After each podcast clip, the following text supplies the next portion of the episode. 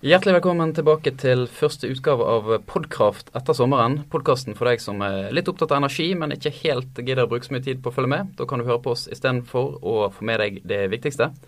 Dette er også en merkedag. Det er den første Podkraft-episoden som kommer direkte på Sysla Grønn, som er en nylansert nettside som dekker det grønne skiftet fra et næringslivsperspektiv. Så hvis ikke du har eh, sjekket den ut ennå, så gå inn på syslagrunn.no no. I dag så har vi viet hele sendingen til ett tema, nemlig USA, land of the free and home of the brave. Derfor har vi gleden av å ha med oss en ny gjest i Jørgen Gudmundsson sitt eh, sommerfravær. Nesten direkte fra USA så har vi Hilmar Mjelde, seniorforsker ved Uni Research Rokkansenteret. Førsteamanuensis 2 ved Institutt for sammenlignende politikk. Ekspert eh, på amerikansk politikk for TV 2, og tidligere medlem av elevrådet på Arne gymnas. Ikke minst det siste. Minst, ikke minst det siste. Velkommen til deg, Hilmar. Takk, takk. Eh, og direkte fra Austevoll så har vi mannen uten profilbilde på Facebook, eh, som vanlig. Daglig leder i Norsk Klimastiftelse, Lars Henrik eh, Pårup Mikkelsen. Velkommen til deg òg. Tusen takk. Eh, mens vi har hatt eh, sommerferie her hjemme, så har eh, energi stått på dagsorden over dammen. Det begynner å dra seg til mot valget, og hele historien kan man si begynner med at Hillary Clinton for eh, to uker siden sa at ved utgangen av hennes første presidentperiode Hun er optimistisk og, og eh, som hun gjerne bør være i valgkampen, så vil eh, fornybare energikilder stå for en tredjedel av landets energibehov, opp fra dagens 13% Så Forrige mandag så lanserte sittende president Barack Obama sin Clean Power Plan, som er og er rettet mot elektrisitetssektoren, som står for den største andelen av USAs eh, klimagassutslipp. Og Lars Henrik, eh, begynner med deg. Hva, hva, er egentlig hovedtrekkene i denne eh, Clean Power Plan som Obama la fram? Jo, altså Hovedtrekket er jo at han sier at for første gang i USAs historie så får man nå begrensning på hvor masse kraftverkene kan slippe ut av klimagasser. Og det man har sagt, at innen 2030 så skal kraftsektoren i USA eh, redusere utslippene med 32% Og så har man eh, Så får man da eh, hvert delstat får på en måte sine mål som de må oppfylle. Men når det kommer til virkemiddelbruk, hvordan de skal klare å nå målene, så står de veldig fritt ja, til å finne, finne, finne en løsning. Og det er jo, der er det jo på en måte noe nytt i forhold til det utkastet som ble presentert for, for et år siden. Mm. Hilmar, du var i USA når, når denne pressekonferansen ble holdt. Hva var eh, si, de umiddelbare reaksjonene? Eh, det er jo litt etter hva TV-stasjoner du ser på. Eh, hvis en ser på Fox News, da, som er en veldig stor og innflytelsesrik TV-kanal, eh, så var reaksjonene unisont negative. Eh, jeg kan jo si da at, altså, at Obama i hele tatt eh, gjennomfører denne planen nå med diktat heller enn ordinær lovgivning, det er et uttrykk for den massive republikanske motstand eh, mot disse eh, tiltakene. Så republikanerne, da, som jeg kunne se bl.a. på Fox News, de hevder jo at dette her vil ruinere økonomien i kullproduserende delstater som Kentucky og West Virginia. Og I tillegg så sier republikanerne at dette er nok et eksempel på at Obama undergraver grunnloven ved at han omgår Kongressen. Og Det er òg en veldig effektiv eh, retorikk i USA. og Vi ser jo nå at den mektige senatslederen eh, Mitch eh, McConnell, som er fra kullstaten Kentucky, han driver en aktiv kampanje eh, der han oppfordrer delstatene til å sabotere denne planen til Obama. Eh, så det blir en bratt bakke oppover for Obama mm. eh, og gjennom framover. Disse, disse kullstatene som har vært framhevet, er det stater som i utgangspunktet er republikanske?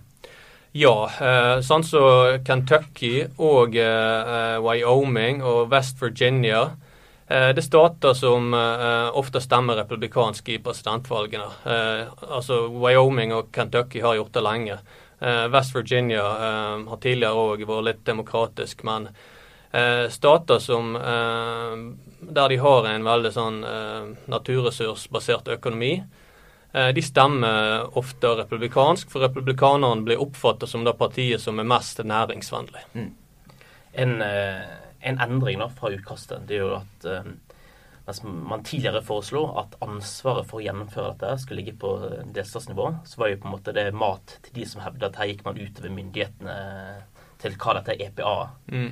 eh, det vil si skal eh, håndheve dette, hva de Mm. kunne gjøre. Eh, mens det i det endelige utkastet som nå blir presentert, så sier man at hvis statene da eh, ikke oppfølger fristen på eh, Nå kan de opp mot tre år på å levere inn sine forslag, hvordan skal de gjennomføre dette. her. Hvis de da ignorerer det, så er det til sjuende og sist det enkelte kraftverk som står ansvarlig for å, eh, for å gjennomføre målene. Og det er på en måte nytt, fordi at EPA har mandat til å gå opp utslippskildene. Men som man tidligere sa at de skulle på en måte håndhe altså gå på statene, så var det mer eh, uklart. Eh, Hillary sin eh, si, plan, eller iallfall utspill som kom litt tidligere eh, Jeg har sett eh, noen amerikanske nettsteder, bl.a. Greentech Media, sier at eh, så Hillary sine mål er egentlig enda mer ambisiøse enn det Obama har lagt fram. Er dette en god valgkampsak?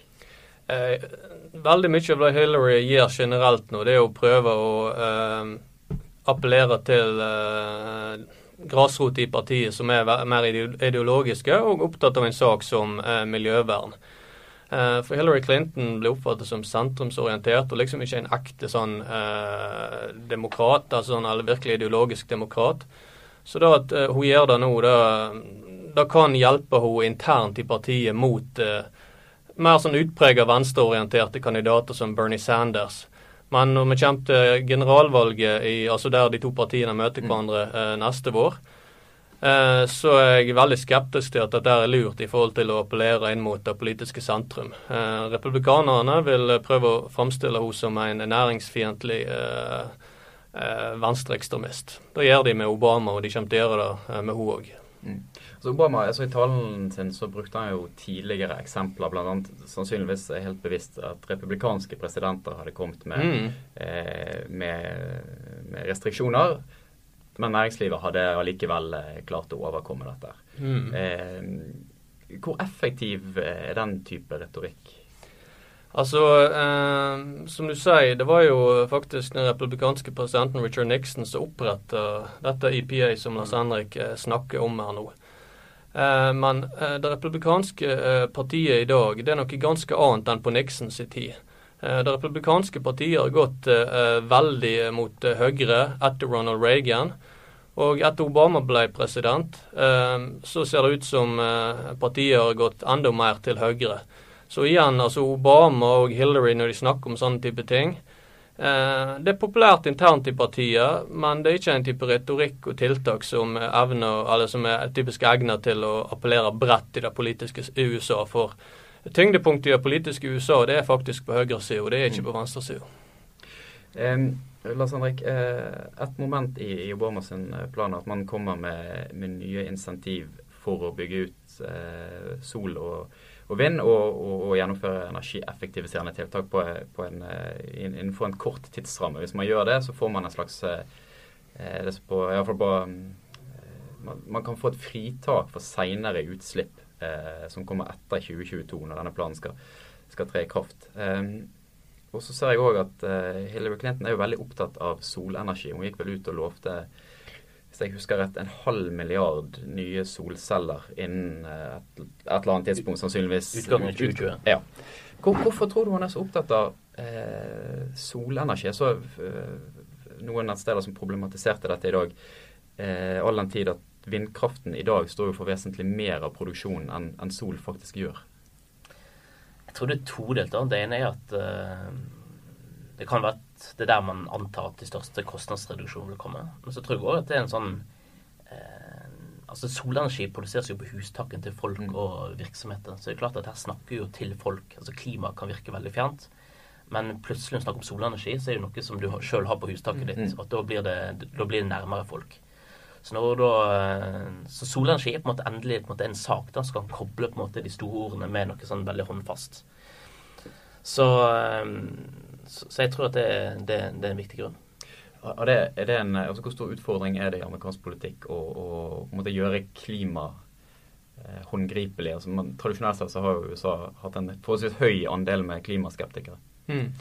Jeg eh, ser ikke helt for meg at dette er noen stor vinnersak, eh, for å være brutalt ærlig. For at vi så på en, eh, en eh, måling tidligere i år at velgerne eh, de oppga klima- og energispørsmål som sin åttende eh, viktigste sak. De var masse mer opptatt av økonomi, sikkerhetspolitikk. Så uansett hvordan jeg prøver å pakke dette inn, så er ikke dette er en sak som, som, jeg kan se at skal komme veldig på dagsorden enda da, mm. i USA. Det er fortsatt sånn at økonomien er det desidert viktigste. Og det er pga. at i USA så har de ikke den velferdsstaten som vi har her i Norge. Eh, og Derfor blir det å sikre arbeidsplasser og sikre økonomisk vekst det får en helt annen viktighet enn det vi kanskje går rundt og tenker på i hverdagen i Norge. For her er vi vant til at eh, OK, mister vi jobben, så har vi Nav. Men da, sånn er det ikke i USA.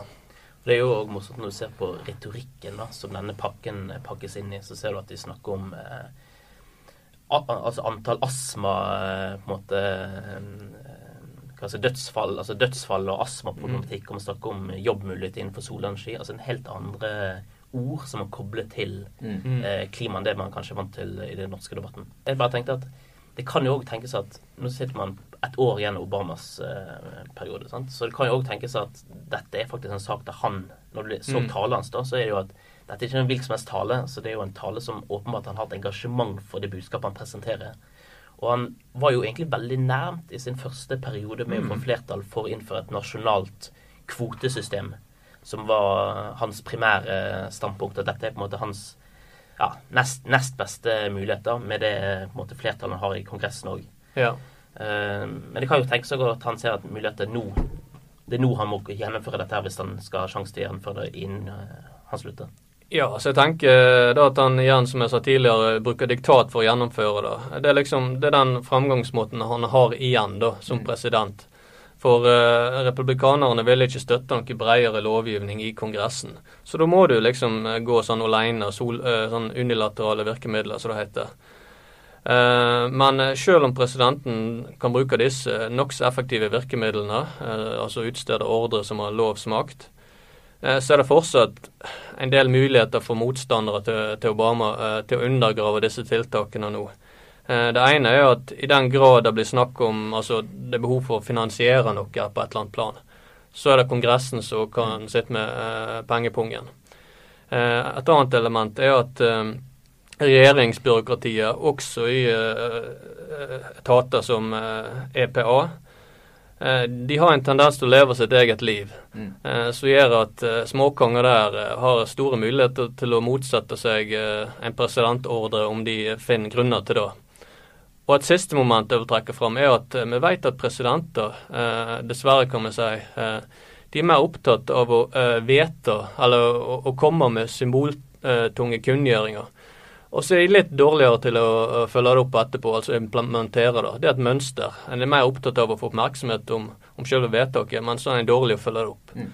Så det blir jo interessant å se hvor mye energi Obama vil bruke på å se at, liksom, følge opp EPA og de andre etatene her.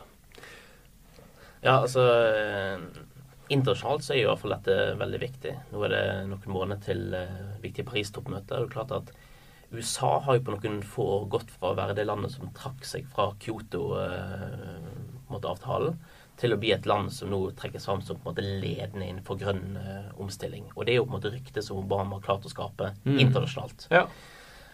men på hjemmebane så kan det bli vanskelig. Og det er en viktig endring òg i det nye, altså endelige vedtaket. Det er jo òg at de statene som du snakket om i sted, som er på en måte de tyngste sånn fossilstatene, de har fått en større byrde nå, utslippsbyrde, med det nye.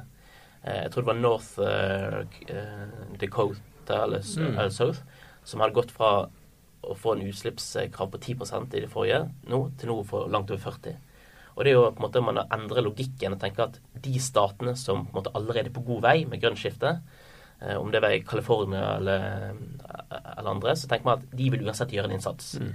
Eh, men så har du en del stater som alltid kommer til å ligge på minimumsnivået til det som på en måte er, er, kravet. Og da har man heller sagt at ok, de skal ha en større byrde. Og det gjør jo ikke, kanskje ikke at det er mer populært i, i USA.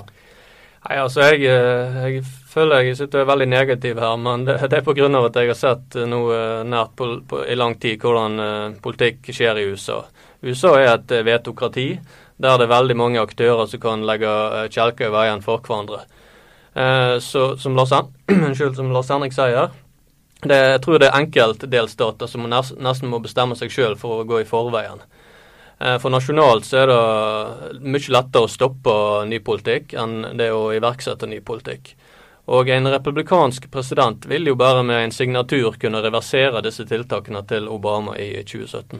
Og så spørs det om det egentlig har noe å si. For at litt av kritikken fra de som er opptatt av miljø, da, det har jo vært at denne planen endrer ikke på de trendene som man allerede er inne i. Både når det gjelder utfasing av kull og vekst i fornybar. Mm. Og det sier jo planen òg sjøl. Eh, det er flere som har på en måte hentet fram sitat som sier at eh, man vil ikke på en måte gi et veldig dytt i, eh, i en sånn ekstra fart men snarere tvert imot så ser man at uansett hva som skjer med denne planen her, om han skulle falle, så vil masse kull bli lagt ned i årene som kommer, og du vil få stor vekst i, i fornybar. Ja, en annen uh, litt, Bare en sånn anekdote jeg kan legge til her. Det var en republikansk president, eh, kongresspolitiker eh, for noen år siden som eh, mente at hele pratet om klimaendringer det var kun et markedsføringstiltak fra The Weather Channel. Eh, så da, da, gir jo oss enda en grunn til bare å ønske Obama lykke til her også med den retoriske jobben. Mm. Vi sier jo at i uken som har eh, gått, så har flere av de største amerikanske solselskapene kommet med til dels eh, store investeringer og oppkjøp i, i faktisk i mm, Sør-Amerika. Så det er jo tegn til at ja. næringsperspektivet òg gjør seg gjeldende. Ja, og så er, det, så er det viktig, Uansett den politiske på måte, kampen mm. som foregår, da, så er det jo til sjuende og sist så er det jo kraftselskapene som sitter med på en måte eh, avgjørelsen. Hva gjør vi med kullkraftverk A og B? Og det er de som sitter med usikkerhetsmoment. Sånn. Skal de på en måte vente og ta risikoen på at uh, dette faller, at de ikke vil få noen krav å mm. forholde seg til? Eller skal de på en måte være offensive og gjennomføre tiltak i frykt for at her kommer det restriksjoner senere? Mm. Vi er i ferd med å uh, slippe opp for tid. Uh, Bergens Tidende sin ballsparkpodkast står og banker på døren og vil inn. Men eh, til sist så uh, utfordret jeg dere til å komme med en musikkanbefaling i på en måte temaets tegn. Jeg vet og at du er veldig interessert i amerikansk hiphop og rap, blant annet. Hva har du tatt med til folket? Jeg vil jo kanskje bare anbefale at uh, spille 'Weatherman' av Jim Jones på Spotify, der han sier at Altså Han advarer mot tørke framover nå, men han skal make it rain all year. Noen mener han kanskje snakker billedlig her og snakker om penger, men uh, ja, da får det tolke sjøl. og eh, Lars Henrik, nå er jeg veldig spent. ja, jeg eh, har jo brukt fire dager på denne oppgaven. her. Um, så tenker jeg at uh, Kraftsektoren er største utslippskildene i uh, USA. Det nest største det er trafikk. Så da tenkte jeg med det ene Jeg har to tips. Det ene er da Traffic med Stereophonics. Og det andre, det er um, I Hate med Passenger. Så Passenger og Traffic Jeg følte Jeg fortjener kred for den. Hvem, hvem, tenker du skal gi deg den kreden, egentlig? Nei, ja. Du kan få den av meg. Det er applaus i studio. Jo, du får masse kred hos meg. Takk, takk. Var det bra? Ja, jeg syns du gjør veldig bra.